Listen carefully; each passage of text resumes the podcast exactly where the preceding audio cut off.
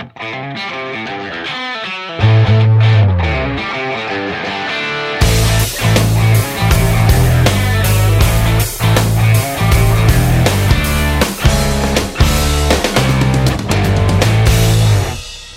velkommen til eh, det som skal eh, bli den eh, nyeste podkasten her på Hamar Arbeiderblad. Vi har valgt å kalle den for Stolthet og ære, og vi skal snakke om HamKam. Som dere ser, dere som ser på HA-TV sin nettside, så sitter jeg ikke aleine. Vi kan begynne med introen av min faste sidekick som sitter på min venstre side. Han kom til verden 7.7.1983 i Hamar. Vokste opp på Hamars Holmenkollen, Ridabu. Der har han etter hvert blitt et kjent fjes for eh, de som er oppvokst på 23-22, og har gått så langt ved å, med å ha investert 9000 kroner hos uh, Statens vegvesen for å få Idabu på bilskiltet sitt.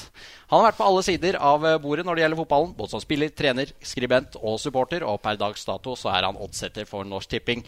Jeg snakker selvfølgelig om Ole Jonny OJ Sundt. Takk for det, Kjetil. Dette er jo en stor ære da, å bli invitert til å være fast sidekick på det som forhåpentligvis blir en meget god og pod med mange lyttere. Og ja. så syns jeg jo det selvfølgelig er er ordentlig morsomt å se om det her samarbeidet her da, kan bli mer fruktbart enn eh, samarbeidet vi hadde sist, da du var keeper på Ridabu sitt juniorlag og jeg var trener. Så vi får håpe på større suksess enn det. Ja, Men uh, Ole, det er jo en grunn til at jeg har tatt med deg, for du er jo den jeg kjenner mest sannsynlig med mest fotballkunnskap.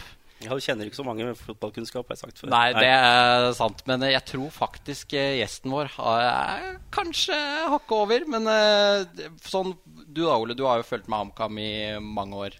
Hva er det som liksom Hva, hva er følelsene dine for HamKam? Åssen Nei, de er sterke. Eh, alltid vært. Og det er klart at eh, jeg misunner jo selvfølgelig fortsatt de som har et lag som ligger sånn stabilt oppe der. For det gir en del sånn trygghet i hverdagen. Eh, mm. Eh, samtidig så er hverdagen med HamKam litt mer eh, interessant òg, for du får liksom hele følelsesaspekteret ut. Og Det er jo noe som gjesten vår òg har uh, eh, snakka om før. Uh, og det er en litt artig ting da, ved, ved gjesten vår også, er jo at han har jo faktisk sett deg stå i mål for uh, Rinnabu. Ja, Det kan han få lov til å kommentere etter hvert. Uh, for det, vår gjest, som dere ser, det er Ståle Solbakken han er født 27.2.1968. Fotballkarrieren den starta på Grue, men klubben ble etter hvert for liten for fotballtalent, og han flyttet til Hamar og HamKam. Etter 100 kamper i grønt og hvitt gikk turen videre til Lillestrøm. Han kom seg etter hvert til utlandet, var i Wimbledon, Aalborg og København. Der ble det to ligamesterskap med begge de danske lagene. Landslagsspill ble det også for mannen fra Grue. 58 landskamper, ni skåringer totalt. Karrieren den fikk en brå slutt 13.3.2001, da han seint om på treningsfeltet til København og var livløs i sju minutter. Men han sto opp igjen som Jesus og ble etter hvert også Gud for oss på Hamar da han trente HamKam fra 2003 til 2005. Ferden gikk videre til København, der han fortsatt er trener etter to svippturer i henholdsvis Köln og Wolverhampton. Han har mottatt en rekke priser, bl.a. Kniksenprisen som årets midtbanespiller, kåret til SAS-ligaens beste spiller av ligaens trenere, Kniksenprisen som årets trener, vårens trener i dansk fotball, årets trener i dansk fotball og sju ligatitler og fire cupgull med København. Velkommen, Ståle Solbakken. Takk for det. Intro? Det er bra intro. Bra intro. En bra intro. Åssen er det med deg? Det er bra.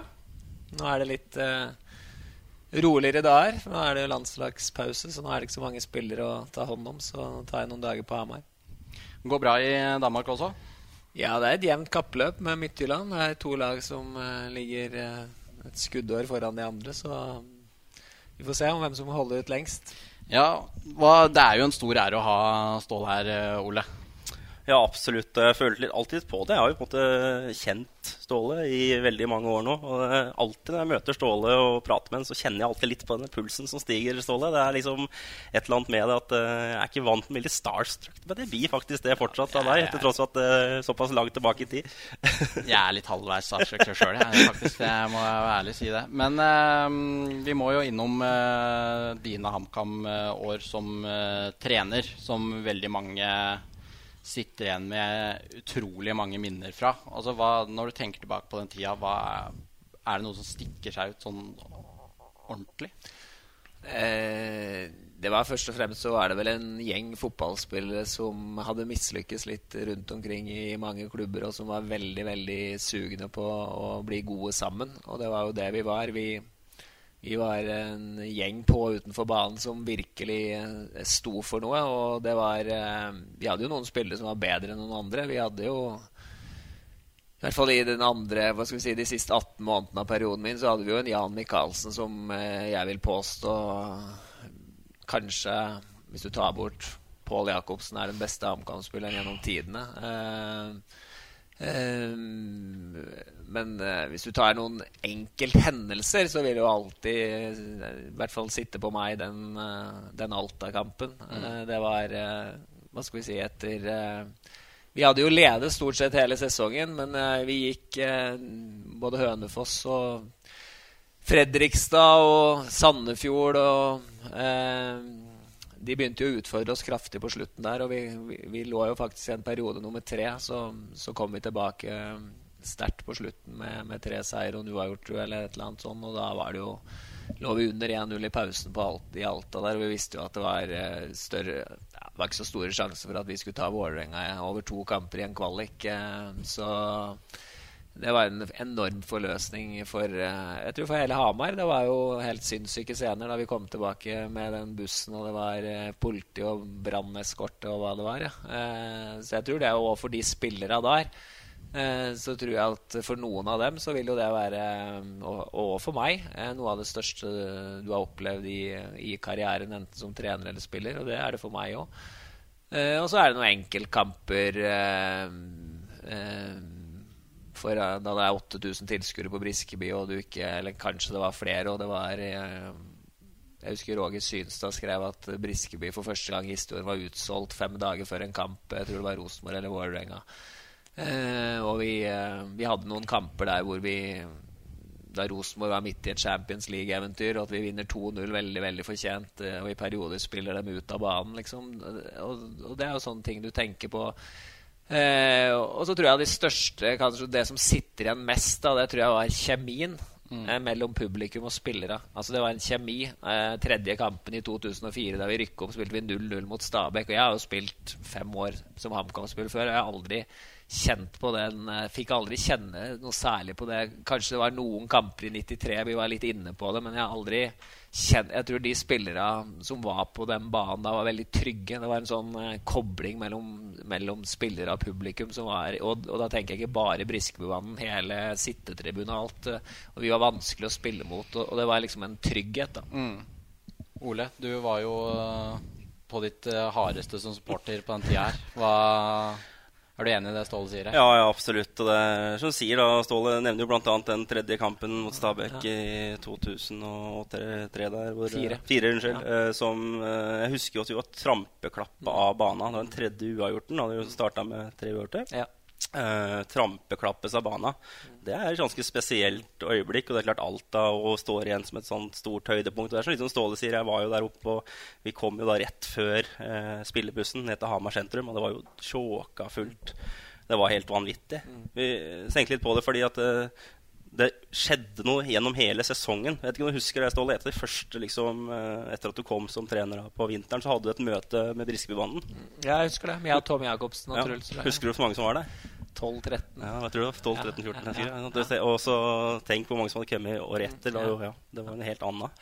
Så det skjedde noe vanvittig. Og det, alt er jo som sier spesielt. Da. Og det husker jeg ødela jo foten min der oppe fordi at uh, når dommeren blåste av, så var det litt for langt ned fra tonetribuna ned. Så jeg husker godt jeg sto utafor Althallen og drakk champagne med uh, beinet godt strappa ned i en snøhaug fordi det var uh, så jævlig vondt. Men det, det oppdaget jeg først dagen etter. Men ja, nei, det var en fantastisk tid. og jeg misunner altså, Som du sier, da. Jeg var jo på mitt uh, hardeste i en forstand at jeg hadde mm. både uh, tid og interesse for det. Og fikk oppleve den oppturen her. Det var uh, helt enormt. Så jeg, jeg unner jo de mm. unge supporterne å få den samme filen igjen da, som ja. vi hadde den tida der. Nei, for det var jo sånn da I 2004, da var vel jeg åtte år, da. Det var liksom, da var jo liksom den derre det, Jeg føler liksom var sånn eufori rundt liksom norsk fotball. Det var liksom på sitt aller høyeste, virka det som.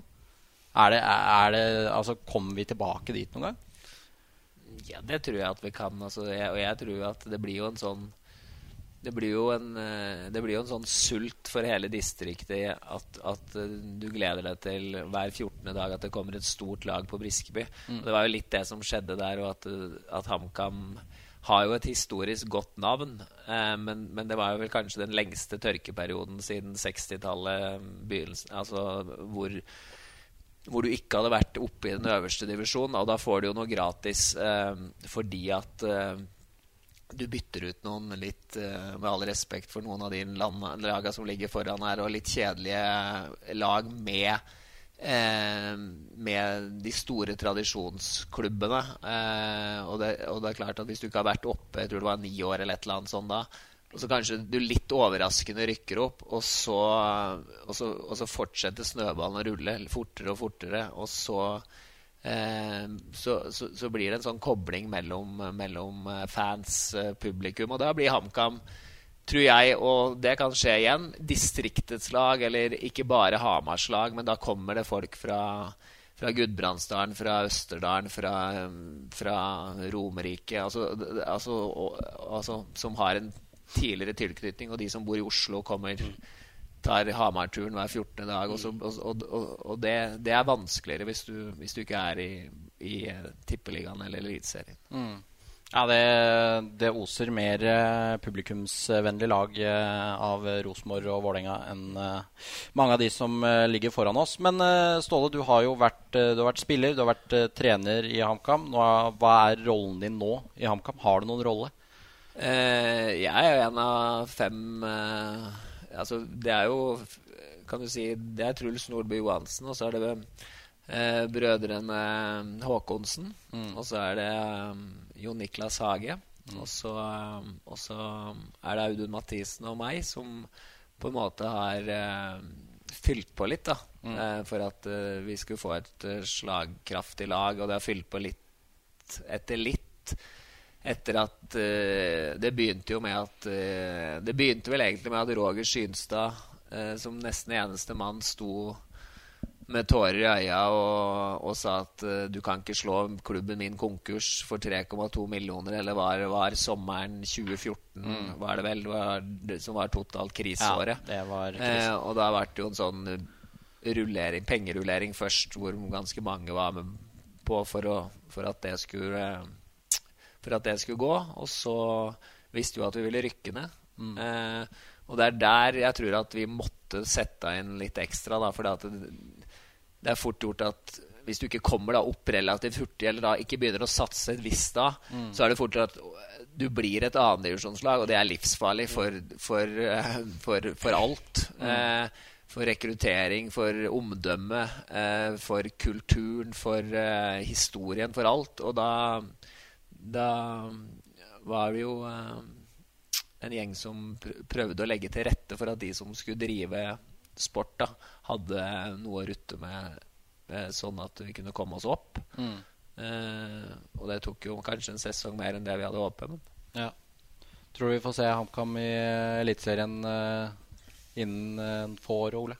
Ja, det tror jeg absolutt. Og i hvert fall å håpe på det. Men det er jo mye positivt som har skjedd da, siden 2014. Og samtidig som å være klar over at ting tar tid. Altså, det å være et eliteserielag det kreves mye på mange fronter, og bl.a. administrasjon og sånne ting.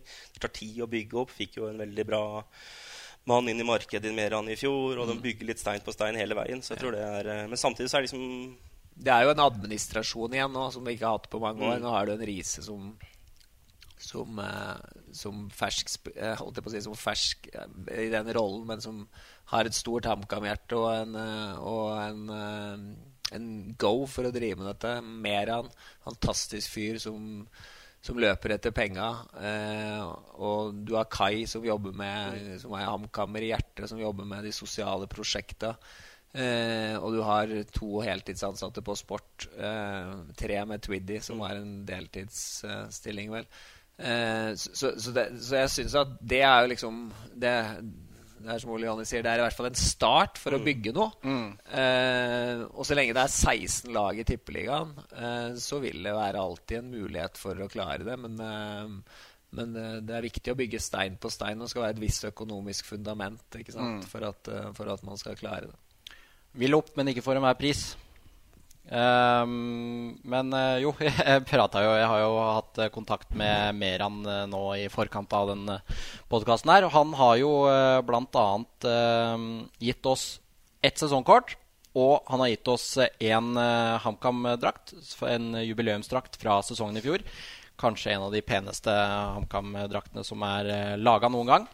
Og de har jeg tenkt til å lodde ut til dere som hører på og ser på. Og måten man kan vinne det, er at uh, hvis du går inn på Hamar Arbeiderblad sin eh, Facebook-side og linker eller går i den artikkelen som blir lagt ut med den podkasten her, så kan du vinne et sesongkort. Skriv 'ja' i kommentarfeltet, og så vinner du et sesongkort eller kanskje en drakt hvis du har flaks. jo, apropos, jeg prata jo med Meran, og han sa jo Han lurte på Han sa, sa spør Ståle hvorfor vi ikke har hovedsponsor. Det sa han, så, så jeg, han ba om å bli slakta i podkasten her. Nei, men det er jo Dette er jo Jeg tror HamKam kan få mange mange hovedsponsorer, men det er jo hvor du legger lista, da. Mm. Altså, det skal jo Det er jo en tung Det skal jo være en tung post. Mm. Eh, så det, det, ordner seg. Men uh, hvis det tar litt ekstra tid, så tar det. Men sånn er det. Ja. Men uh, gutter, vi kan uh, prate litt om uh, fjorårssesongen. fordi at det var jo debutsesongen til HamKam i Obos-ligaen siden 2014. Det endte med en niendeplass og 42 poeng. Ole, hva, hva, kan vi si om den sesongen? Nei, det var jo en sesong som igjen Vi var jo på en måte involvert i en mulighet til å komme til kvalik lenge. Så det var jo en interessant sesong sånn sett. og det fikk jo til mitt skjønn eh, Hadde både gode kamper og, og, dårlige kamper. Man hadde spillere man ble litt ekstra glad i, og så var det noen spillere man er glad som ikke er der i år. Um, så er det litt sånn uh, strategivalg og litt med, med hva man ønska på slutten, og skuffa meg litt, kanskje. Begynte, mm. begynte å bruke han Hotkoop og litt sånn, for jeg husker hva det het fra Nederland. Sander, Sander, han, Sander fra, han dårlige spissen fra start og litt sånn som ødelegger litt, ikke sant, etter mm. mitt skjønn. men totalt sett så var vel omtrent det der som forventa og hyggelig etter mm. å komme tilbake igjen etter så lang tid. Og, og som sagt, følte han fikk Det var jo på ingen måte en bortkasta sesong. Vi fikk spilt inn mange yngre spillere mm. som uh, blir viktige i år. Vi fikk uh, fått litt uh, go igjen i byen. Jeg syns ja. det var merkbart. Det, så det går riktig vei. Så, mm. ja. Fikk et, også et ekstra bra høydepunkt med 16. mai-kampen mot Kongsvinger. Da det bare endte med HamKam-seier og god stemning og mye folk på tribuna. Ja, så er det 100-årskampen, selvfølgelig. Og det er mange sånne Det var noen høydepunkter. Og og gode resultater. Sarpsborg i cupen. Og ja, det var egentlig en helt ålreit sesong. Og sånn i ettertid så Det, det, det er aldri noe aldri, det finnes aldri noe dårlig tidspunkt å rykke opp på, men på sett og vis så det, mm. synes, føles det litt som behagelighet med at vi har et år til i Obos og får eh, bygge rundt de, spesielt de unge talentene våre da, som, som, var gode i fjor. Mm. Et av eh, de unge talentene er jo din eh, sønn Markus Ståle. Hva syns du om hans utvikling? Ja, Han begynte jo litt famlende den sesongen i fjor. Det men ble vel bedre og bedre i takt med at laget ble bedre og bedre. Så han hadde en sånn Og så fikk han vel litt fra naturens side at, uh, at fysikken kom litt mer og mm. mer. Også. det er jo noe som skjer i den alderen. Uh, så det var vel godkjent, uh, både han og laget. Jeg syns jo at sesongen balanserte jo litt på en knivsegg òg. Altså, på slutten så kunne det blitt kvalik, men ja. du du reiser til Notodden eh, med, hvor du ligger vel fire poeng foran Notodden. Ja, Taper du den, så, så, er du midt nede i det verste og, eh, av det verste. Det føltes si. aldri sånn. Nei, Nei, men i og med at du vant den, så ble det sju, og så, og så var det liksom greit. Men taper du den, eh, så vi vinner 1-0 ja. så, så, Men jeg syns jeg er helt enig med sidemannen at det var en klart godkjent sesong som nyopprykket lag syns Kevin fikk stabilisert det fint. Uh, og, og det, var no, det, var litt ujevnt, men det er ikke noe mer enn uh, mer enn man, uh, mer enn man kan forvente. Mm. og jeg syns det var klart godkjent, og det var en fin punktum for Kevin som trener. At han, at han etter en opprykk, eller en stabiliseringssesong, en opprykkssesong, og så lager en ny stabilisering med en fin niendeplass. Så, så det, det, det, var godt for HamKam, og det var fint på CV-en til Kevin. Mm. Men eh, Kevin Knappen han, måtte jo, han var jo ferdig etter sesongen, fikk ikke ny kontrakt. Syns du det var riktig, Ole? Nei, men jeg syns Ståle oppsummerer det bra. Ja. Altså, Kevin gjorde en kjempejobb i HamKam, og kjemperespekt for den jobben han gjorde der. Og så er det et spørsmål om hva skal til for å ta det neste steget. Og fra mitt ståsted så følte jeg vel kanskje at uh, Kevin på en måte har nådd sitt potensial foreløpig. Jeg mm. tenker at han kan sikkert uh, komme til Jeg ser ikke bort at Kevin Knappen kan bli eliteserietrener, men kanskje ikke nå. En vei å gå. Blant annet så da er det mange ganger jeg reagerte på Han liksom brukte mye tid på omgivelsene sine. Han ønska liksom dempe liksom mye. Og, det er liksom Hvis HA og Hamar-publikummet blir for krevende, så, mm. så, tenkte jeg at da er det kanskje andre som fortjener mulighet for å ta det ett ekstra nivå. Men som sagt, trenere utvikler seg. Akkurat som spillere så ser jeg ikke bort at Kevin Knappen kan komme tilbake igjen til Hamar. Jeg tror ikke det var noe vondt brudd for noen. Nei, jeg fikk ikke inntrykk av altså, at det var eh, egentlig diskusjoner som og, og, og det endte med at, at, man nærmest ble enige. Altså, jeg tror Kevin hadde lyst til å fortsette, absolutt. Mm. Eh, men samtidig så, så, er det noen ganger òg at det er greit å slutte mens leken er god. Det er jo ikke sånn at han fikk sparken på noen måte. Kontrakten så han gikk ut. og mm. eh, skriver du da, Da er jo spørsmålet hvis du skal skrive en ny kontrakt, så skal jo den gjerne være på to-tre år. Mm. Eh, og hvis man da syns at det er lenge, eh, og, og, ønsker en liten retningsforandring, mm. eh, så, så, falt jo dette fint ut. Mm. Jeg er helt enig. Jeg, har jo hatt, eh, jeg hadde jo ett intervju med Kevin Knappen i fjor. Eh, vi, hadde, vi har jo sånn cornersending etter HamKam-kampene. Og da var det mot Levanger hjemme lå an til å bli en fin 2-0-seier. Og jeg var jo skikkelig nervøs, ikke sant. Og grua meg til å intervjue Knappen. Og så ser det liksom ut til at det kommer til å gå greit. 2-0. Han kan spille fint. Safer land. Og så tar det tre minutter. 2-2. Kevin Knappen pissesur etter eh, match. ikke sant? Jeg står der og Han er sikkert dritirritert for at det står en eller annen fyr som er litt sånn nervøs og står og bare Nei, så det var eh, ingen uh, fin opplevelse, uh, det greiene der. Uh, Ivar Solli Rønning skåra ti mål i fjor. Er det nok for en uh, spiss i Anka? Det spørs jo hvor mange de andre i de offensive posisjonene skårer. Så det kan det jo være. Da vi rykket opp i 2003, så tror jeg Birkeland og Olsen ble toppskårer med 10-11 mål. Mm. hvor Birkeland hadde én etter 18 eller noe sånt. Så, mm. så det kan det være, hvis det er jevnt fordelt. Mm. Eh, men eh, jeg tror nok at eh, hvis du spør Gaute og Espen nå, mm. så det med en et berettiget håp om at mm. Mendy skal lage flere enn ti mål. Det tror jeg. Mm. Og kanskje òg en, en Onsrud Lønstad, at han kommer opp på tosifre. Mm. Vi kan jo gå litt inn på mm, eh, den eh, sesongen vi skal inn i nå. Det har jo vært en del eh, utskiftninger fra diverse spillere. Ivar Solli Rønning, Truls Evne Hagen, Lars Brotangen, Borchgrevink, Nersveen, Hotkop, Gran, Lidberg, Mikkelsson, Gjendal, Sander Strand og Odde Midtskogen har gått ut. Ivar Solli Rønning bl.a. til Raneren. Hvordan tror du det Er han god nok for Eliteserien, tror du? Nå er jo han i Ranheim han han tryller jo fælt i fjor, så han kan eh, hvis, han, hvis, hele laget fungerer like bra, så er jo Ivar en sånn som kan, som kan være han som setter den siste breisida på. Mm. Eh, men hvis Ranheim ikke fungerer helt, så, så vil det ikke være Ivar sannsynligvis som, som løfter dem opp på det nivået eh, som de var i fjor. Men, eh, men vi får håpe det. Så er det noen likheter med det Ranheim-laget og det HamKam-laget du trente som rykka opp? Jeg har ikke sett nok av Ranheim til det. Det, det. Så det skal jeg være forsiktig med å uttale meg Ja. Men eh, inn så har vi da fått eh, Shan eh, Mendy, blant annet. Hva skal vi si om han? Et av de artigste og som ikke går på HamKam for min del, eh, er jo faktisk Sean Mendy ganske involvert i. Og det er jo når Elverum rykker opp til førstevisjon eh, med Sean Mendy sitt mål på mot Raufoss. Det er jo alltid morsomt. Det med Espen Haug var helt i, i fistel.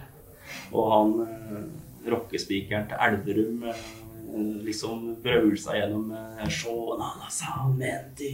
Det syntes jeg var ganske kult. Men eh, også for så kom han jo Så ble det jo en suksesshistorie med han videre oppover også, og så forsvant han litt bort. Eh, og så nå kommer han tilbake igjen. Jeg er veldig sånn usikker på form og det ene og andre. Jeg har ikke fått sett han nok i kampen nå heller. Mm.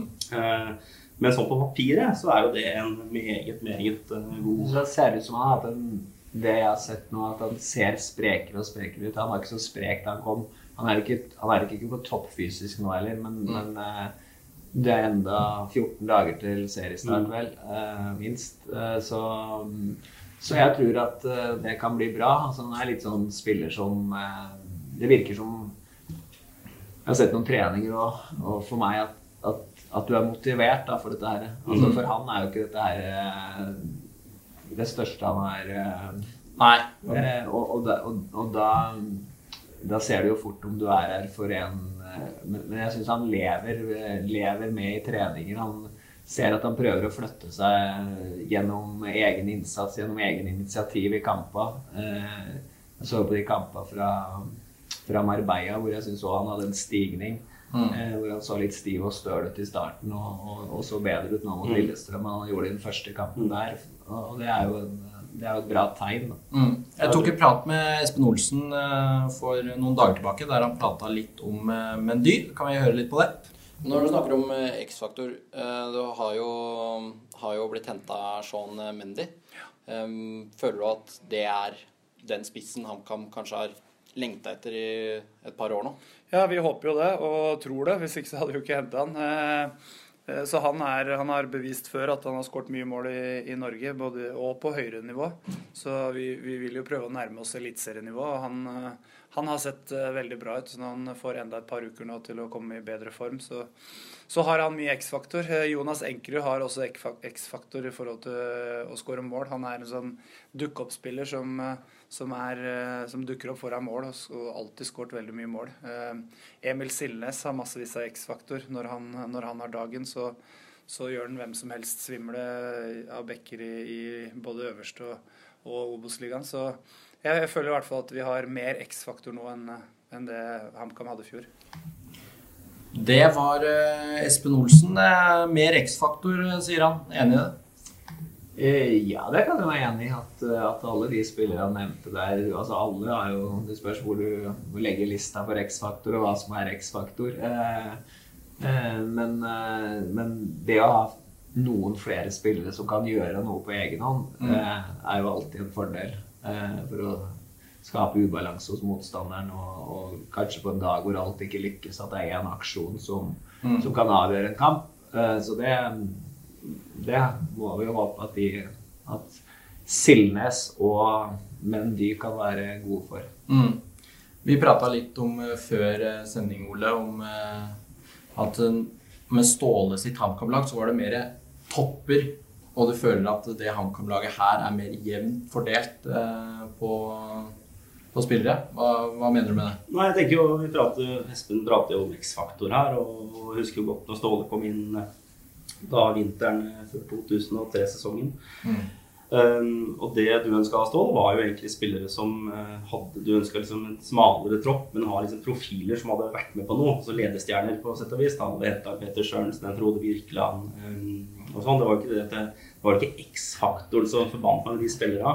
Uh, nå, men, hun hadde egentlig en ganske tynnere tropp, da. Eh, og det husker jeg jo godt. Du var jo på, dere trente på Åkershagen blant annet, og du jogga i front og resten bak på grusen der. Det var en helt annen tid der. her.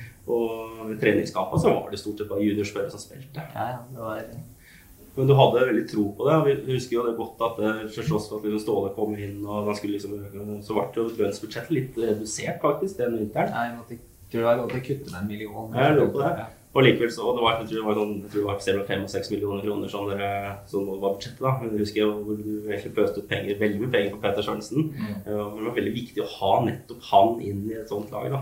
Og det er det jeg ser med dagens lag. da. Kjempemye gode spillere. Eh, Men hvem er man snur seg mot? Her spørs på mitt skulle hatt en eller annen virkelig ledestjerne i laget her som eh, når det virkelig går trått, og de her såkalte med X-faktor ikke lykkes med X-faktoren sin, hva da? Det er det som føler kanskje det som gjør at de HamKam nå mangler kanskje et eller annet. Mm. Selv om det er en veldig jevn, fin gruppe, da. jeg er ikke uenig i det. Altså, men så er det, det er jo litt med hvordan samfunnet går ellers òg. Altså, hvis du spør enhver fotballtrener nesten i alle lag nå, så savner de ledertyper. fordi at det er, de blir færre av dem.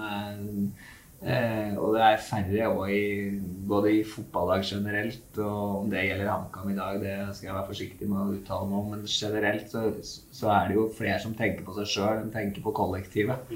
Eh, og det å på en måte eh, kunne få laget til å skinne, litt på bekostning av at du skinner litt mindre sjøl. Eh, de spillere er det nok færre av, både på en fotballbane og i samfunnet for øvrig. Eh, så, så det, det Men jeg syns at at det er en veldig harmonisk gjeng. Da. Det, de som, eh, det er en god garderobe, som vi sier på fotballspråket nå. Det det, det er bra. Altså, det, er, det er en fin gjeng. Eh, eh, men eh, jeg er enig i at det kan at Det er jo ikke Du har kanskje ikke de derre noen ganger så ser du på et fotballag på utmarsjen allerede hvem som, eh, hvem som liksom bestemmer, og hvem som er, eh, hvem som er sentrallinja, og hvem som kan på en måte ta i det lille ekstra. Og så kan du jo lede på forskjellige måter. Eh, Den nye midtbanespilleren fra Tromsdalen, han er jo ikke en som brøler, men jeg, men jeg legger jo merke til at han er flink til å småcoache og, og flink til å, til å si de riktige tingene både i trening og kamp. Eh, som kanskje ikke vi ser da, fra tribunen. Så, så, så, og så må jo laget sette seg, og så, og så kanskje at noen, eh, noen kan, eh, kan vise seg å være mer ledertype enn det vi tror nå. Men, eh, men det er generelt et problem i fotballen, de der som virkelig tenker på laget først, og som virkelig går i bresjen og det går litt imot. og eh, Som du virkelig kan stole på uansett hvordan vinden blåser. Eh, og det, det gjelder generelt. Mm. Men HamKam har jo, eh, for å dra en liten uh, sammenligning altså I ishockey så har man én kaptein, og så har man to assisterende kapteiner som regel. HamKam har altså nå fem stykk i det kapteinsteamet sitt. Hva, hva er greia med det, Ole? Nei, men det er jo litt vi har vært inne på akkurat nå. da. Det er jo kanskje ikke som fremhever seg sånn voldsomt. Men jeg syns det er litt morsomt selvfølgelig at vi har fem i et kapteinsteam og så tre spillerutvalg. Så det har jo åtte mann i garderoben som på en måte har en slags formell rolle inn mot et eller annet her. da. Og det var jo andre som stod der i sin tid. da. Det var Petter Sjølsen som var liksom the man, på sett og vis. Men du hadde jo andre typer der selvfølgelig. Du hadde jo, du tok over Espen Haug var jo der, var jo sikkert en leder, Frode var jo viktig. altså det var Dokken. Dokken, ja. Du hadde mange forskjellige typer, da.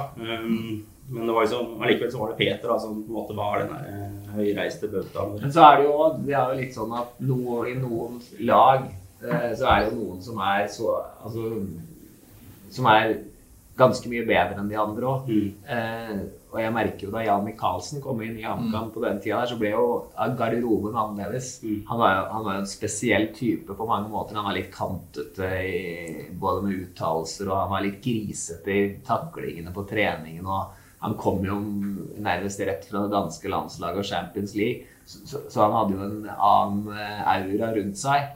Eh, men samtidig så var han ikke Så kunne noen ganger eh, så han noen ganger kanskje vanskelig for å være en samlende figur. For det nettopp fordi at han, eh, han hadde noen sider som, eh, som, eh, som var utfordrende, men som jeg tror var veldig go gode for gruppa. Da. Og sånn er det jo. Og det er jo òg en måte å lede på. Ja. Altså, gi ballen til meg, så skal jeg eh, vise dere. Ikke sant? Og det kan jo Det kan jo Det kan òg en måte å lede på. Men var han sånn spesielt godt likt sånn av liksom Ja, jeg tror ikke han var, han var ikke dårlig likt, eh, altså, men han var en eh, Han var eh, Han var sin egen herre mm. utenfor banen. Eh, men han var en fantastisk trener i Altså, i, altså han, han trente alltid godt. Han, han var alltid engasjert. Eh, han snakker mye.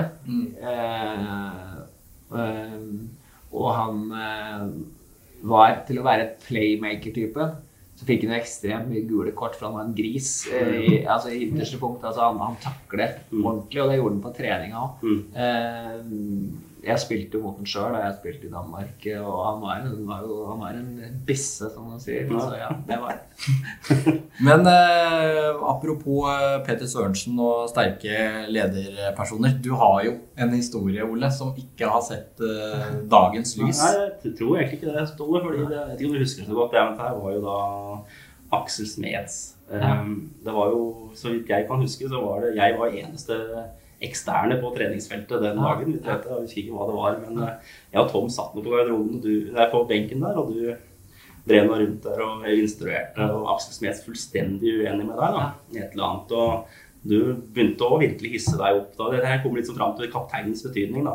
Dette er jo på gamle, der Hamar eh, CC Stadion ligger nå, så det gamle treningsfeltet der som ligger eh, med med porten ut mot parkeringsplassen. da. Og Aksel Smeds blir ganske gæren og går fra posisjonen sin. og Du begynner å smelte etter den. Du står helt rolig og sier at til slutt så sier Ståle at eh, hvis du stikker nå, så er du ferdig i klubben. Det sier du så høyt at jeg tror du faktisk må gjennomføre det. Aksel Smeds fortsetter å gå, han mot porten. Husker du det? Eller? Nei, jeg husker ikke så Nei, eh, i hvert fall så idet han er i porten, så har jeg sett en høyreist eh, dansk forsvarsspiller i firsprang mot Aksel Smeds. Og headlocker da Aksel Smeds. eh, Og følger Aksel Smeds den som prater til den. Aksel er liten, prøver nesten å komme seg ut av det. Og følger tilbake på posisjonen sin. Eh, sier noen år, du fortsetter trening, og alt er som før. Jeg har tenkt flere ganger viktig, Det jeg tenker sånne ting når vi prater om grupper. da. Jeg husker at Trond sitter så klokkeklart i huet mitt hvor viktig det var at Peter tok det. det, ja. Og det var jo, og Svets var jo en veldig, veldig stolt mann. Ja. Eh, som eh, som, eh, som eh, utrolig nok der fordi at eh, hans agent prøvde på en bløff den 30. januar når han skulle signere for Torino. Alt var klart. Så tok hans agent og la på noen kroner. Så klikker det for presidenten i Torino, som bare sa at uh, dette her blir ikke noe av. Eh, og så var jo det bare skandinaviske treningsvinduet åpent, og så fikk vi nyss i dette her gjennom eh, Frigård, og vi satte alle kluter til. Eh, og så skulle vi egentlig prøvespille. Man skulle prøvespille en kamp sammen med en spiss eh, borte mot Sandefjord. En utenlandsk spiss, jeg husker ikke hva han het. Men vi, vi syntes han var så god, og vi hadde sett såpass mye og hørt såpass mye, at vi skrev henne med på hotellet mm, på Valle, det der hotellet som ligger langs eh, motorveien og kjører inn i Oslo, like ved Valle Hovin der. Der tok Håkonsen fram eh, papiret, og så eh, signerte vi det før eh, han skulle teste. Og så eh, hadde vi jo Storbekk. Vi hadde jo kjøpt Storbekk som høyrebekk. Så i første kampen så spilte vi Aksel på venstresida. Det fungerte jo ikke. For han hadde ikke noe venstrebein, mens, eh, mens Storbekk hadde, hadde et bedre venstrebein. Eh, Og så bytter vi de to da, for å få Og da skulle jo Storbekk Han har aldri spilt venstrebekk, så alt ble speilvendt og skeivt for ham. Så det var en mareritt, husker jeg, på La Magna å få han der. Og jeg og Rolf Høgmo Rolf Høgmo var analysemann. Altså, vi hadde jo 100 bilder til at du må gjøre sånn og sånn og sånn. Og det var eh, Men så, da det, da det først lykkes for alle andre, så sto med. Men, eh, men Smeds var jo en eh, eh, En eh, Hva skal vi si Altså et kultursjokk for ham å komme hit. ikke sant? Altså, Vi satte oss i bilen og kjørte til Brumunddal og trente på en sånn kunstgressbane. Den nye kunstgressbanen til Brumunddal var ikke noe full bane. Eh, men han, men han, han, likte, han likte miljøet. Han likte ja, han likte å være her, så vi reforhandlet jo kontrakten. Altså han fikk jo ny kontrakt, og så, men så ble jo hofta hans uh, Men han var en veldig stolt mann. Noen ganger for stolt. Eh, men vi har kontakt en dag i dag. Han har jo uh, vært agent siden. Ja. Ja. Det viser jo kanskje litt det som er oppfattes i, fra inn i et miljø. da. For meg så er det fryktelig dramatisk. Det sitter liksom som et støff ennå. Men Ståle husker ikke engang, så det er på en måte ikke eneste gang det her har skjedd. Ikke sant? Eh, Men jeg tror liksom at det er viktig at en sånn der type som, som da Peter har den interne justisen. fordi en gruppe fungerer jo så lenge det går bra. Vi hadde jo Frigård, var, Ja. eh, som eh, hans Han skåret jo ni mål første året og var en stor lederfigur. Mm. Og så i andre året så, så tror jeg han spilte sin siste kamp borte mot Brann. Eh, det var Tom Jacobsen var faktisk på ferie, så det var Kai som var min assistent på den kampen. Det var siste kampen før ferien. Eh, og da sa jeg til Kai at eh, han, han, han His legs are gone. Altså det, han er ferdig. Og han spilte jo ikke mer. Og så var det hans siste kamp som som hva skal vi si, aktiv på topplan. Var jo, skulle jo da være mot Brann hjemme. Den avgjørende, altså, og de var jo ikke helt sikre. De skulle jo helst ha et poeng. Mm. Eh, og på det tidspunktet så hadde vi hentet Ringberg. Ringberg Olsen var jo klare førstevalg. Eh, Torup var fast på benken fordi han kunne heade ut noen boller og eh, defensivt hvis vi trengte det. Og han kunne sette den inn på topp og lage litt eh, Og så var Abiodun frisk igjen etter at han eh, Han var plutselig frisk igjen på de siste kampene. Han hadde vært helt vekk pga. en kneskade. Og da hadde vi plutselig fem spisser for første gang. da. Eh, og så skulle vi ta ut troppen mot, eh, mot Brann og vi står i midtsirkelen. Det er faktisk en del journalister og sånn. Altså, og det er liksom ikke bare lokalpressen, men det var litt sånn hvem rykker ned rundt omkring. ikke sant? Så VG og Dagbladet, NRK, i hvert fall lokalt, og noen var der. Så leser jeg opp av det laget og troppen i midtsirkelen. da. Eh, og så sier jeg til Geir at, eh, at uh, sorry, du er ikke med i Du er ikke med, fordi at jeg kan ikke se Vi kan liksom ikke se hva vi skal bruke deg til i forhold til Abiodun har litt mer X-faktor, og du Ja, så og han går helt ned i kjelleren og roper Det trodde jeg ikke om deg, Ståle. Vi har vært kamerater i 100 år, og det er min siste kamp. Og, og da hadde vi da, Og han blir helt uh, Rolig nå. Rolig nå. Nei, nå, han er helt ute av seg. Og så tenker han sånn, og så plutselig sier han at uh, jeg skal faen ikke spille mot Stryn heller. Sier han, for vi hadde jo vi har jo kvalikkamper eh, på den mandagen etter og neste weekend for å rykke opp i annendivisjon. Mm. Så sier han nei, det skal du ikke se, for der spiller Torup Abiodun. Eh, men det du skal for å slippe det, så er å være med som reserve der. Det er at du skal sette på deg den fineste dressen din. Du skal oppføre deg, og du skal komme og støtte gutta. Eh, både på og etter eh, Før, under og etter kampen. Mm. Han kommer på Briskeby og fortsatt litt sånn eh, Det blir 1-1. Det er en bankett på stallgården. Og, og så kommer kelneren bort Nei, kelneren, servitøren bort til meg på på middagen som sier at eh, det er allerede en som har begynt å bestille noen drinker til middagen. Er det lov? Ja, så du mener Frigården, så ja, det er lov. Han skulle ikke spille mot Stryn. det var hans eh, Så det var, det var mye temperament i den gjengen der, for det var mange Og det var jo litt av det som drev det fram òg. Du hadde motsatsene. Du hadde Joakim Sørum og Storbekk som ikke sa et ord. sant? Du hadde Gullerud som var stille og rolig med sin lune humor. Du hadde Vågan som var den yngste.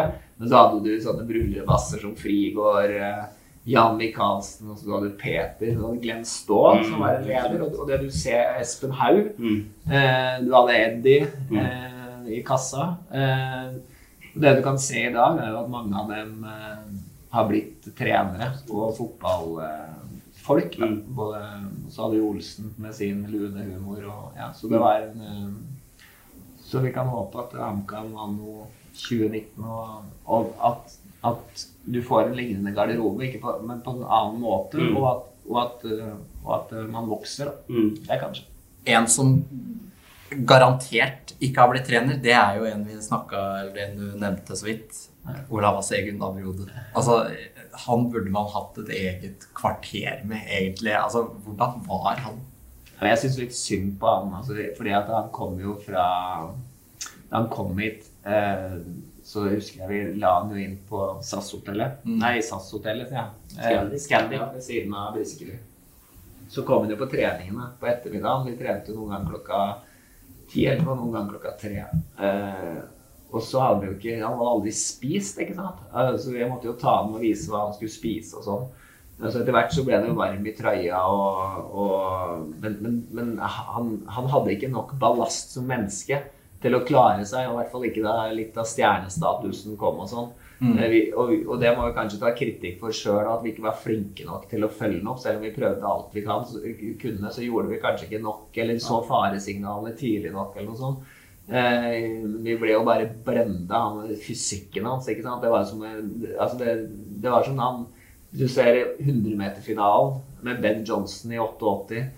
det var jo sånn starten han hadde i akselerasjonen på, på fra null til Jeg har aldri sett Urtle spille fra null til ti meter enn det han var. Eh, Han pensjonerte Hoftun eh, den, kun- den kvelden vi slo Rosenborg i 2004. Så tror jeg ikke Briskeby-publikum heller hadde sett noe lignende one man-show siden Paul sine velmaktsdager. Det, det, det var, altså, du bare kjente summinga og jubel hver gang han hadde touch. Vålerenga første kampen året etter. ikke sant? Men han hadde jo en stor, stor uh, brystskade i kneet som vi oppdaget etter hvert, og den var et stort hinder for ham. Uh, og så har det vel ikke gått så godt med det i etterkant. Eh, Nå har jeg ikke inntrykk av det, nei. Nei, Um, men eh, det var en, eh, det var en fargeklatt, eh, bokstavelig talt, på, på litt på godt og noe på vondt. Jeg tror du sier det. Jeg tenkte ofte på det i ettertid. liksom som hadde, Vi har klart bodd på Scandic der, og mange som fulgte opp en, en sånn gutt. at Du skulle jo ha hatt en matchfamilie, nesten. ja. ja, det var det han skulle. Ja. Ja, altså, det er, men det er, det er en fantastisk historie, og det er jo da vi skal eh, Vi spiller generalprøve mot Fredrikstad i 2005. Eh, og han skal jo starte sammen med Ringberg på topp. Han var jo eh, Nei, ikke med Ringberg, han hadde ikke kommet. Eh, det var jo Det var Ringberg, tror du ikke det? I, jeg husker i hvert fall serietreneren. Ja, ja. Jeg tror han kom ikke Ringberg på midt, han kom jo midt Nei, han kom midt i 2005. Han. Han gjorde det, stemmer Ja, så det var ikke Ringberg, det var han og Frigård som skulle starte. Han og Frigård skulle starte, med Olsen på benken. Mm. Men han hadde jo tendens til å komme for seint, og vi hadde jo noe, vi hadde dekt litt over det, og vi har prøvd å lagt det rett, og han kom jo for seint den gangen her. Så tenkte jeg at nå må jeg bare sette med foten, for vi kan ikke ha det der surret her da serien begynner. Ja, så, jeg sier, så han kommer, så sier jeg at i dag starter du på benken. Olsen starter, og det får konsekvenser for deg. Nå er det nok. Spiller kampen, han får den siste halvtimen eller et eller annet sånt. Så vi spiller mot Vålerenga, første seriekampen i 2005. Alltid da, pga. at det var så mye folk tidlig på Briskeby, så hadde vi taktikkmøte på Scandic. Så kjørte vi eh, lik derfra. Eh, så vi liksom hadde ro et par timer før kamp. Og alle, alle sitter jo og eh, ser på klokka. Ikke? Alle har kommet inn, det er to minutter. Og jeg visste jo at hvis han kom for seint nå, så måtte det være konsekvenser. ikke sant? Altså, og ingen hadde jo egentlig lyst til det. Altså, vi var avhengige, man var i kanonform. Eh, og, han, så plutselig står han der i ett sekund før deadline med helt strøken eh, på frisyre. For første gang i historien. Riktig antrekk, riktig dress. Alt var helt overlegent. Og så sier jeg det var bra. Jeg, sa, jeg tok ingen sjanser. Jeg la meg inn på hotellet i går. Ut på banen maltrakterte Ronny Johnsen. Ja, eh, og vi vant 3-1, og han eh, skårte et eh, fantastisk mål som eh, nok var litt heldig når du ser på reprisen, men det, var, det, det var han i et nøtteskall. Det var artig innspill på akkurat den. Da, at da jeg gikk hjem til Rida etter den kampen, så er helt sikker på at du kom til å vinne serien. helt sikker. Du ikke mange, skjønne det var mange at som du ikke skjønne at noen kan være det. Vi vinner faktisk serien, var faktisk det var mange som trodde. Det var, vi tapte jo det- to vi Eller 1-0 i Tromsø, tror jeg, kampen etter. Jeg vant to første hjemmekamper. vel, Ja, vant mot Ålesund, ja. Men da var det liksom sånn når vi tapte mot Tromsø, da, hvordan kunne dette skje? Ja. Liksom, det laget her kan jo tape kampen. Men det, det er jo, apropos Abiodun og komme for seg, det er jo en historie om Abiodun med at han skulle møte opp på Briskeby eller et eller annet for felles avreise ti på ni, og at han da møtte opp ni på ti. Er det, er det en sann historie? Ikke i min tid. Det, jeg var nær etter min tid, så det kan jo fort Det kan være at det er et Han sto, jeg husker at vi sto i dusjen etter å ha spilt mot Sogndal borte i cupen i 2005. Da hadde vi et veldig redusert lag. Vegard Bjerke var midtstopper. Vi hadde litt sånn skadeepidemi en periode der. Mm. Så Vegard Bjerke spilte midtstopper. og Vi vant 1-0 like før slutt. Petter Vågan skårer. Så står vi der, og så ser han til meg og så sier han 'Boss, ja, ja, nå klatrer vi litt på tabellen. Nei, det, dette var cup. Huff faen meg. Nei, vi eh, må videre, og her kommer det et lite klipp. Trenger trenere trenere? Svaret er ja. Svaret er ja. Svaret er ja. Svaret er ja på det. Svaret er ja på det.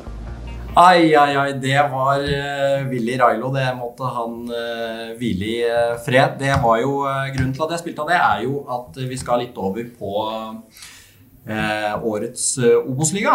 Og er det noen gang vært så mange kule profiler i Obos-ligaen som i år? Altså, du har Tom Nordli, du har Lars Bohinen, Kjetil Rekdal, Martis Fuentes, Eirik Bakke i Sogndal. Altså, I år kommer det jo til å smelle ordentlig. Ja, så har vi den roligste og mest veloverveide, tenker jeg. Så det kan Mm. være like bra, det. Det tror jeg er fint. Og det tror jeg svaret er eh, I 2003 da, så var det jo også mange profiler, eh, Ståle, eh, når du trente. Og jo, Tom var jo faktisk Det var i Sandefjord. Jeg ser- litt på det i går, og Lars hadde Kjernas hadde Hønefoss. Du hadde Knut Torbjørn Eggen, hadde FFK. Du hadde Vidar Davidsen Strømsgodset. Dette var jo profiler på den tida, da, som kanskje ikke er så Så det noen som har kommet i ettertid Og Harald Aabrekk var der. Eh, Så hadde selvfølgelig Dag Oppgjørsmoen som hadde sin sydlandske eh, spillevri. Det tror jeg vi skal være glad for at han hadde, faktisk. For de hadde faktisk ganske bra lag i det. Det beste laget. Antageligvis. Vi- Dem av Sandefjord hadde nok det beste laget. Mm. Vi, vi og Fredrikstad og Hønefoss var Altså Fredrikstad hadde nok Det var nok vi og Hønefoss som var pragmatikerne i den divisjonen. Mm. Eh, Sånn jeg husker det. Fredrikstad fikk jo bedre og bedre lag. Eh, Men det som var Vi fikk jo et sterkt signal på slutten av den sesongen. her. Da lå jo Fredrikstad, Hønefoss, HamKam og Sandefjord. Og Raufoss var jo de fem lagene som til slutt også da signerer jo vi faktisk Kevin Dokken tre-fire runder før slutt mens han spiller på de som kjemper med oss. Eh, det var et sterkt signal for oss. At eh, Hønefoss sin, en av Hønefoss profiler faktisk signerer for ja, kan risikere å spille Obos neste år, mens Hønefoss kan rykke opp. Så det var, eh, den var sterk. Det er viktig å huske på det, at når HamKam da gikk opp under Skjold i 03, så hadde vi også en forferdelig preseason, som jeg sa i stad.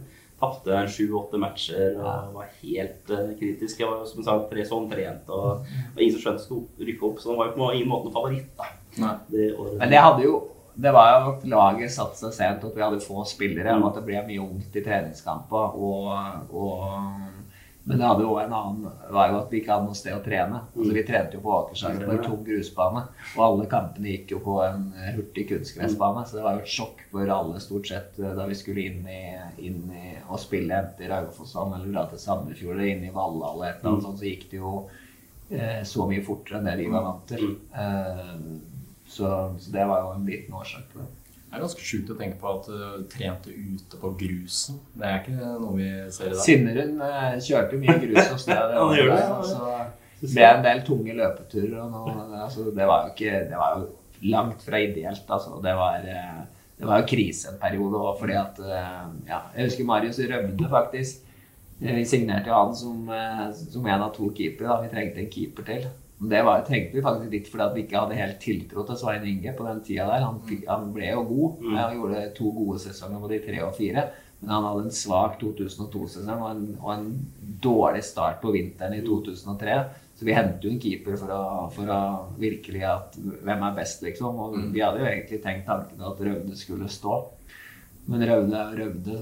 Han kom jo sjøl med flyttebilen fra Skottland svingende inn på Åkershagen, og så må man finne ut at vi trente der. Tok en eh, sladd med den derre tute, og så er det 'Her er jeg, gutter'. så, men han var jo en eh, Han var jo en fantastisk fyr å være i garderoben, han, eh, selv om han ikke sto. Skapte en, ordentlig god til å trene, skapte veldig mye positivitet rundt seg. Altså, og det var, virkelig en sånn når du ikke forstår virkelig en sånn keeper du eh, Altså en fyr som du Som, som eh, ga skal vi si, troppen mye uten at han kanskje fikk noe særlig tilbake. Så. Ja, han var jo en karakter. Han husker han fra miljøet rundt. Og det som var, var sånn, tradisjonelt så var det en sånn god knytting mellom spillere og publikum. Ja. Altså, vi, det var jo aksepter for noen ting som var ålreite. Og det kjente liksom til stories. Det er mye artige stories om uh, Raude, selvfølgelig. Og de som lurer, kan jo blant annet eh, Han hadde noen målinger, blant annet, som er eh, kjent. Uten å skal snakke om det på, Så, på så hadde den, eh, som jeg til slutt fant ut hva som skjedde, var at vi, hvis vi leder 1-0 i en annen kamp Og det var jo, på den tida var det ikke kamera på alle vinkler.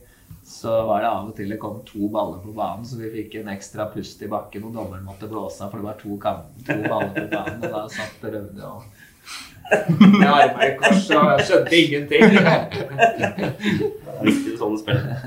Men eh, apropos eh, reservekeepere, da. Når vi var jo så vidt inne på det i stad eh, med, med nyervervelser. Eh, Marco Pris Jørgensen var jo først ut, og så ble han med videre likevel.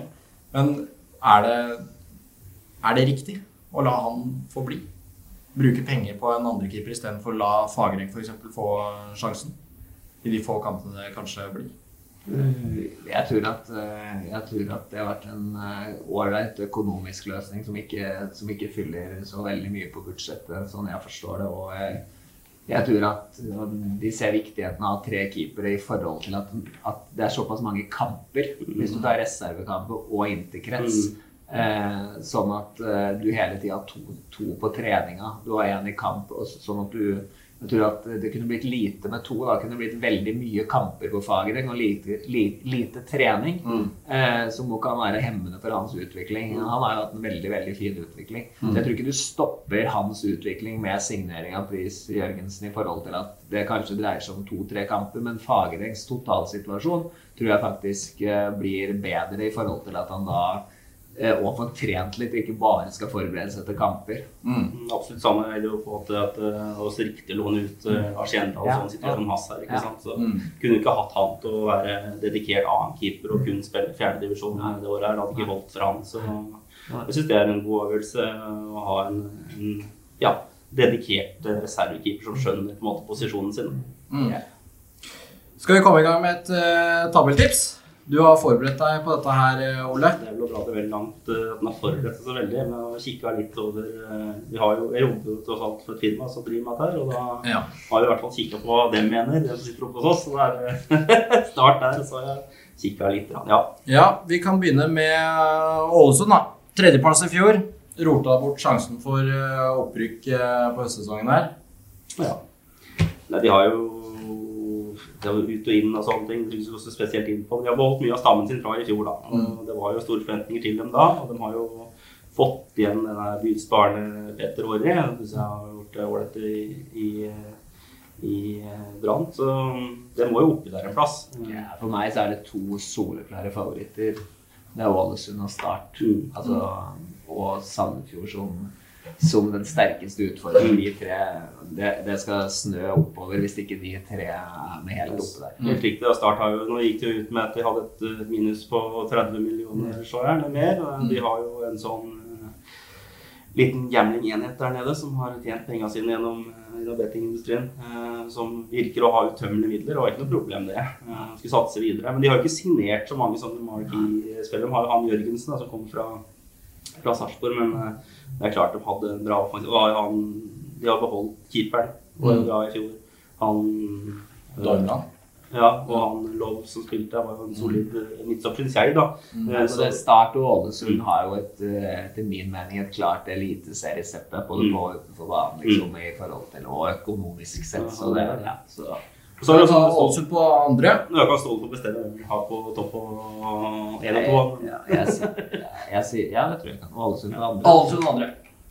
Da setter vi de der. Vi la, da kan vi gå rett videre på start, da. Ja, vi ja. Vil du ha de på første? Ja. Dette Jeg må bare presisere at dette her er et helt uavhengig tips eh, fra HA-sporten sitt. Fordi det fikk ikke jeg lov til å være med på. Så få får kjøre et lite veddemål med Rundsten om eh, hvem som er nærmest. Sandefjord 3, er ikke det? Jo.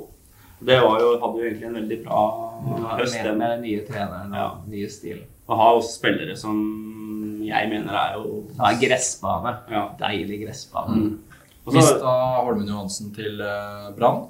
Ja, men det tror jeg de, det går bra. De snakka om at de har fått en ny spanjol òg, Mm. som er- visstnok skal være helt konge. Du har Engblom, kommer til å skåre masse mål på det nivået der. Uh, Du har uh, selvfølgelig Tella, som også i sine beste stunder er jo fantastisk. Mm.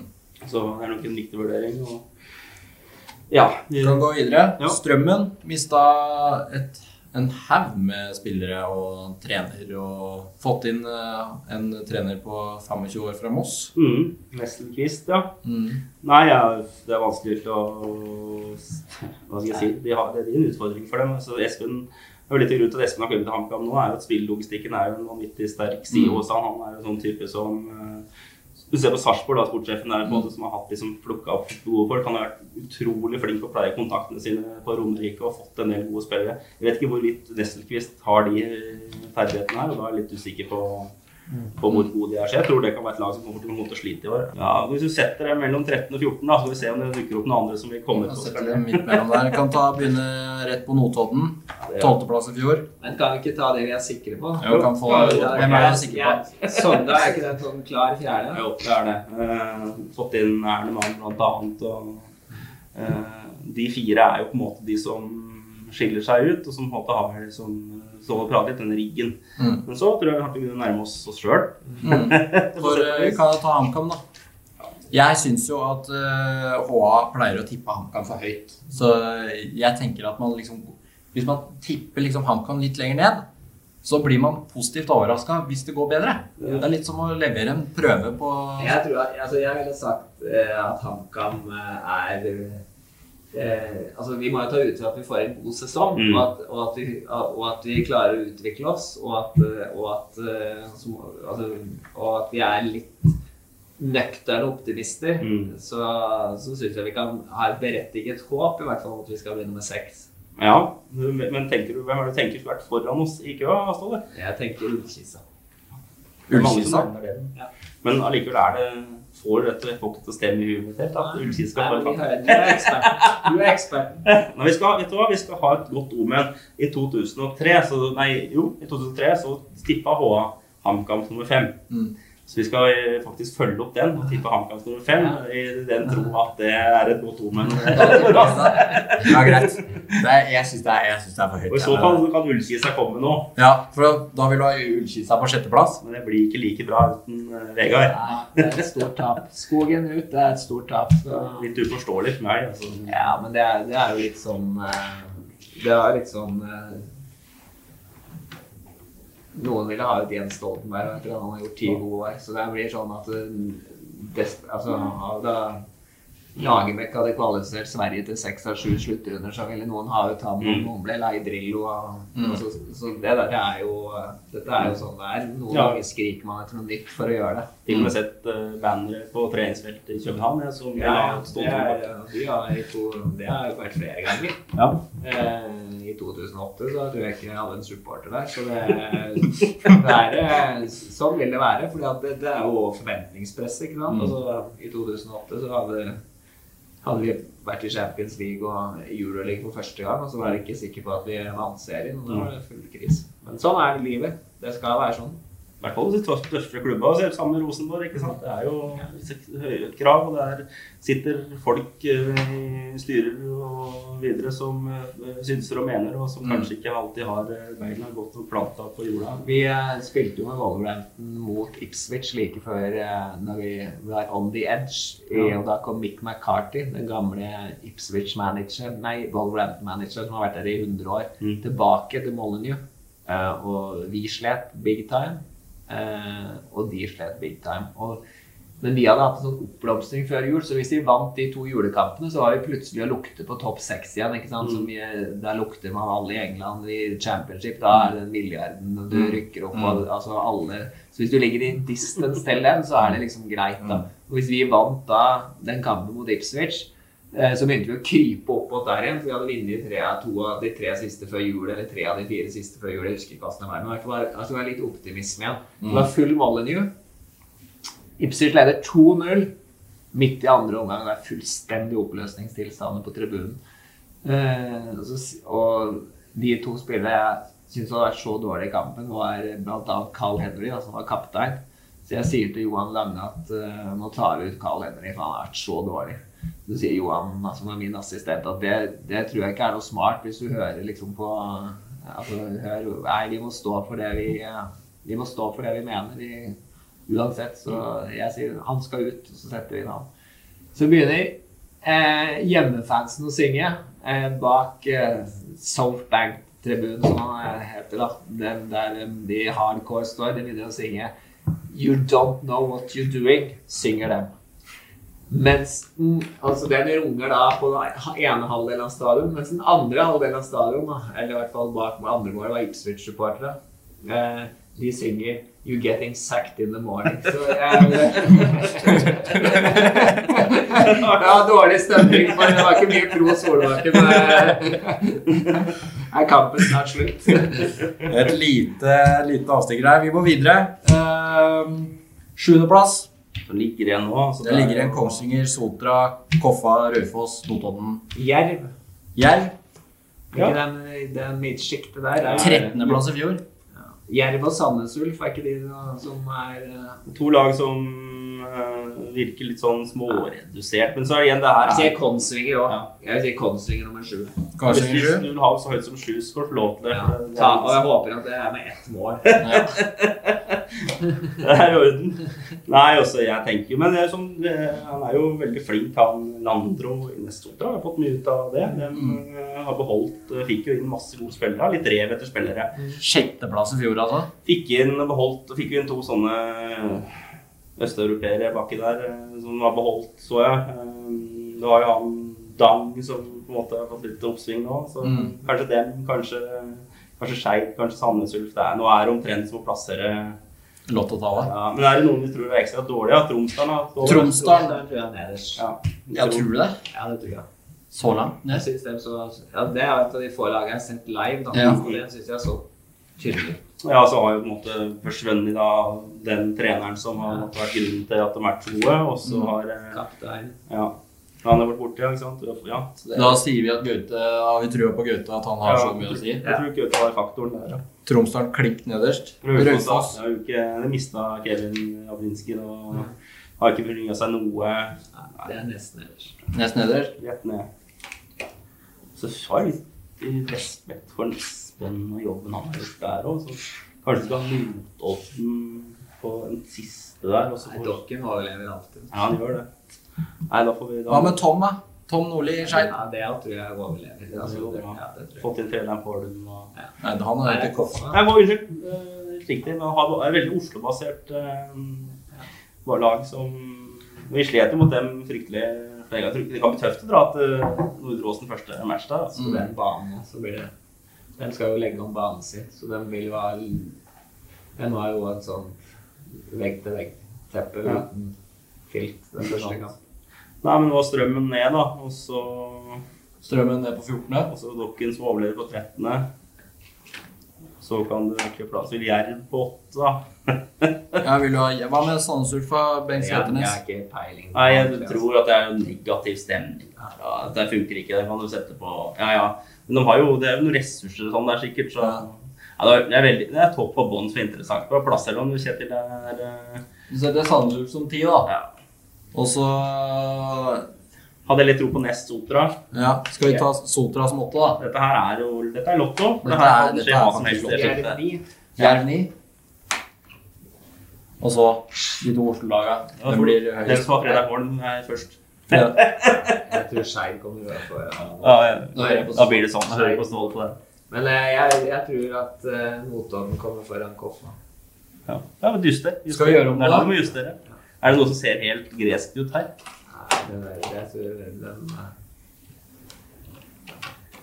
Jeg syns det ser eh, ålreit ut, jeg. ser ut som fasiten her. Ja, det ser ut som fasiten. Når vi sitter uh, i slutten av sesongen, så tenker jeg at det her er eh, det som eh, kommer til å være Obos-ligaen. Har det noen gang skjedd, tror dere, at noen har fått en Obos-tipset sitt? Nei. Men altså, Obos Hvis er du jo får inn den, så er det nok, er nok eh, rykke opp fra arbeidslivet. Fra her og ned hit er det jo Altså, jeg vil si at de fire øverste, eh, de, de tror jeg de fleste har i en eller annen rekkefølge. ja. Og så tror jeg at de fire nederste, er mange av de er der òg. Mm. Mm. Det tror jeg. Og så tror jeg det er fra HamKam til eh, Sandnes Ulf Skei. Der tror jeg det er jevnt. Altså. Mm. Yes. Vi skal eh, videre, og her kommer det et eh, nytt eh, klipp for dere. Ei ulykke kommer sjelden alene. Så det var jo da et klipp som jeg har lånt fra TV 2. Det er jo det ganske kjente klipp av Frode Grodås da han får eh, sparken av HamKam. Og jeg tenkte å høre hva, hva som var følelsene dine når, eh, når det der skjedde, Ole? Det er vel faktisk tidligere omtalt i HA-sammenheng og i en eller annen sånn eh, Vi spilte inn Men det var jo litt bekmørkt i unge Sunds uh, hode. Ofte blir sånn veldig jo, jeg, det skjer jo, men hva skal jeg si? Nei, det var jo, jeg, jeg var jo ikke det si, Av og til så forbereder du ikke på ting. Mm. Det var kanskje den største feilen jeg dro på Briskeby den eh, siste kampen der. Jeg var helt sikker på at jeg skulle overleve. Ja, så blir det Og så blir det noe helt annet. helt gærent. Helt gærent. Eneste gangen du lå under streken. hele sesongen var liksom trygt at det skulle gå bra. Og da, da var det liksom Da følte jeg liksom at det her var litt sånn Unødvendig. Ja.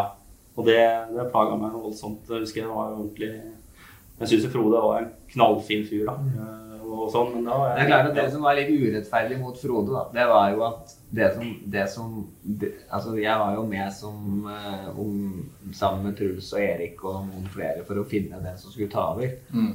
Og da var det jo at Lars Kjernås skulle ha en mye eh, større rolle Mm. i det her, og være òg sammen med Tom Jakob på treningsfeltet. Og, og, og grunnen til at vi ville det, var jo at Lars som vi var inne på tidligere i podkasten her, var jo litt sånn som eh, De hadde gjort en lignende jobb som det vi hadde gjort. Funnet billige, sultne, både unge og gamle, gode spillere.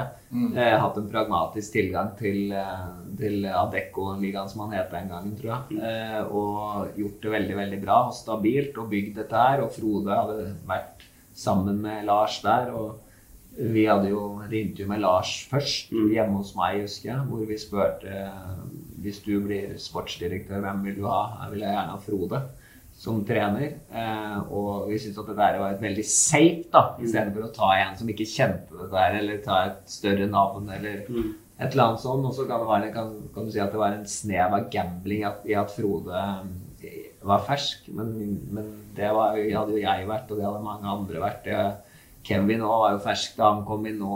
Og, ja, så, så, så, så, men så fikk jo Lars stemmeproblemene sine. Eh, og ble ikke den samlingsfiguren på og, og kan du si eh, ventilen da, på treningsfeltet. Sammen med, eh, han skulle være sammen med Tom og støtte Frode. Så, så, så, det ble, så det ble nok litt for mye på Frode. Eh, og så var Tom litt eh, var nok Tom vant til å jobbe på en annen måte, og så trakk han seg litt tilbake, og så kom Frode Birkeland inn. Så, eh, så, det var, så det blir fort gjort å peke på Frode, men det var mange omstendigheter rundt, syns jeg, da, som gjorde at, eh, at det ble som det ble. Og så må du huske på at det året der så hadde HamKam eh, noen eh, prestasjoner eh, som var minst på høyde med det som skjedde i mine år. De, altså, de slo eh, Rosenborg 3-0 på Lerkendal. eller så Brann 4-0 på Briskeby. Altså, de hadde enormt eh, Kinas kom inn eh, som en superpower-spiss. Eh, eh, han kan ha en veldig god økonomi, kunne gjøre ting underveis. Og, og, og, og det viste jo at da vi rykker ned, så rykker vi jo rett opp igjen. Nettopp fordi at, eh, fordi at vi hadde det økonomiske fundamentet da, til å klare det. Eh, eh, og det er jo som du sier, at ingen trodde at det skulle rykke ned, for det var aldri der. ikke sant? Altså, og så blir det bare en skikkelig backlash i siste kampen. Så det var riktig som du sier, Ståle. Til å kommentere at på sitt beste det 2006-laget hadde prestasjoner som på spillemessig og sånn som sitter igjen, så husker man de kampene fantastisk godt. Spesielt de to kampene. Jeg husker jo at vi jeg sto på en av de bakerste radene på Lerkendal på supporterfeltet, og etter at det var 3-0, så hadde jeg på et eller annet vis jubla meg ned fem-seks rader der. Altså, Det det, var er, helt jo- vilt. det, er et, det er jo kanskje det sykeste resultatet av alle. Eh, så, så, så det ble jo på en måte og, og du kan si at hvis du ser på Hvis du ser på de fire halvsesongene vi hadde i 2004-2005, og så ser du på de to og halvsesongene i 2006, Ja. så, er det vel, så skiller det vel ikke så mye. Altså Det er ganske like antall, bortsett da kanskje den siste del i seks, hvor, hvor, hvor snittet tror jeg faller eh, litt mer. Ja. Men, men eh, det var jo noen, eh, det var jo noen kamper hvor, hvor man virkelig var god. Men er ikke det, altså det er vel den summen man har rykka ned på som er størst? Ja. Jeg, jeg husker ikke, men det er mulig jeg tar feil, men det er ikke så langt mellom poengsummen vi fikk i 2005 og 2006. Det er ikke noe man Nei, det, tror- det tror jeg ikke. Altså, I 2005 så må jeg jo bare si at vi, vi blir nummer ti, Ja. men vi kan rykke ned foran den siste kampen. Vi, og, og taper vi mot Brann i siste, så tror jeg det kan bli kvalik. Mm. Men vi leder 1-0 til like før slutt, og så blir det 1-1, så vi var vel aldri i fare. Eh, men, men Molde skårer jo to mål borte mot Lillestrøm helt på slutten. Så det er Molde som får kvaliken Ja. og cupfinalen. Ja. Og Molde rykker jo ned. Mm. Så, så, så det var en veldig hard, jevn liga på den tida Det der. Mye gode lag. og det snakket om i stad, og det var jo, kom, Han kom jo opp på mange måter i et eh, Da fotball i Norge av. og Vi ligger, vi ligger jo sist i 2005 i mai. Mm. Der ligger vi jo sist. Eh, og så spiller vi 0-0 eh, tror jeg, hjemme mot Viking. Og så taper vi en kamp eller to, men så har vi hjemme mot Molde og Odd Grenland. Og da må vi liksom vinne for å Ja. ja. For da har vi Brann og Vålerenga, de to neste. Da slår vi eh, eh, Molde 4-1 og 2-1, og så kommer, får vi luft. Og så Mm. sier de så da klarer vi Mm. ikke å Og så må du huske på at det i 2005 Så da vi er igjen seks runder, eh, så Det husker jeg ennå, for da sov jeg oppe på dyna. For da skulle jeg til København, så jeg hadde ikke noe lyst til at det skulle gå i vasken. Jeg hadde ikke lyst til at HamKam skulle rykke ned. Så da var jeg virkelig sov jeg oppe på dyna i noen uker. Jeg tror ikke jeg sov så mye. Da, da vinner vi jo eh, 3-1 borte mot Nei, 1-0 hjemme mot Lyn. 3-1 borte mot Viking. Og da vi spiller mot Rosenborg på Briskeby da, den neste kampen, så mister Jan Michaelsen straffe på 1-0. Men før den kampen så har vi 28 poeng, og Rosenborg har 24. Mm. Rosenborg har sparket treneren, satt inn Høgmo.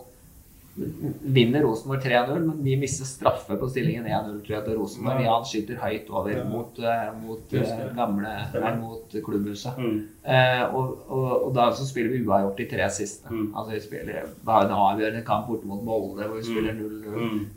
Eh, blant annet. Så, så, så, det, så, det var Og da er det jo store lag som ligger nede. Og det var Rosenborg og Molde og de der laga der.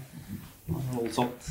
Mitt beste HamKam-minne er vel eh, 2008. Da Markus Pedersen avgjør eh, 2-1 der. Ja, det Det er noe. Treningsleir i Østerrike med FCK og høre på Det er altså noe av det sjukeste altså Jeg satt og leste den saken i stad. 6800 mennesker. Det er altså så mye det, at det er Det var mer der du så det. Ja, ja. Det om i stad, det var helt vilt. Det, folk kom ikke inn. Jeg satt jo, på, satt jo i en posisjon i Brisbane som gjorde at jeg hadde tilgang på billetter. Folk ringte og ringte og sa jeg har ikke. Sorry, det kan du fikse. Nei, det er tomt. Det er tomt. Liksom folk, jeg husker vi sto utafor. Folk sto og prøvde å få tak i svarte børsbillett for å gå på HamKam. Rune Strand var jo Han var jo eh, krimsjefen. Han var jo arrangementansvarlig. Ja.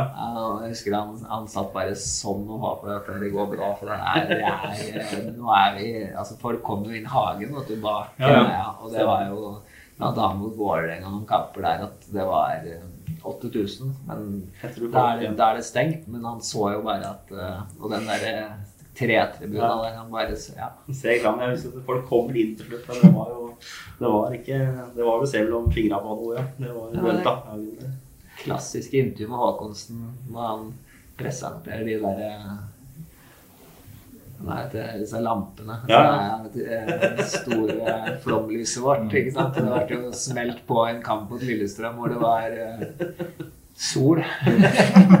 Vi bare markerte at vi hadde Det var strålende tid. Vi kan, som sagt, da, alt eh, Vi kan komme dit igjen. og Det er ikke Alt var ikke bedre før. Altså, det, nå husker vi alt. Nå husker vi jo alt det som var bra. Men vi hadde jo mange ting vi sleit med. og Det var mange Det var jo mange problemer, små og store, da. Og vi spilte mange, mange dårlige kamper. Og, og, og alt det der blir jo Altså de glemmer det jo nå, da det gikk bra til slutt, og du sitter igjen med de gode opplevelsene. Men det- så jeg blir jo glad da jeg sitter hjemme i Danmark, og så får jeg plutselig et bilde fra O'Learys, og så sitter Sørum og Gullerud og Olsen og Heilam og gutta sammen. Og, Mm. Og fra den tida der og mimre litt, det, er jo, det viser jo litt at de henger sammen og holder litt kontakt. Mm. Yes. Vi har eh, nesten sittet her i en og en halv time nå. Er det, har du noe mer du lurer på, Ole? Nei, Jeg syns vi har kommet Syns det har vært en grei debut. jeg. Syns det. Det er viktig med gode gjester. Ja, det er det. det. har, det, Vi har, det, er vanskelig å følge opp vi har gått så hardt Vi har gått så hardt ut at det er helt sjukt for øvrig. Så det, vi får se hvem som er eh, gjest neste gang. Skulle vi prøvd å få til en eh, ja, etter første serierunde? Ja, vi må prøve å få til det. Ta en liten Må jo oppsummering. invitere, vi inviterer Skogen. Mm. Han er jo går jeg og venter på den neste fotballjobben sin, så han er jo Ja, jeg vet ikke om man han da får du noen eh, Da får- da, får du, eh, da får du noen ordentlige Jeg veit ikke om han får noe årslønn eh, av å sitte her og ljuge, men Fått inn som fast medlem helt til en. Ja, det blir jo litt sånn Rekdal gikk fra, rett fra Høyresport og inn i start der, ja. Nei, men skal vi takke Ståle da, for at du stilte opp? Utrolig hyggelig. Det var nære en ære for eh, oss å debutere. Eh, Du har jo vært litt i podkastverden før, du, Ole? Ja, lite grann. Lite grann. Debuten min, i hvert fall. Vi eh, takker for oss og eh, ønsker hjertelig velkommen neste gang.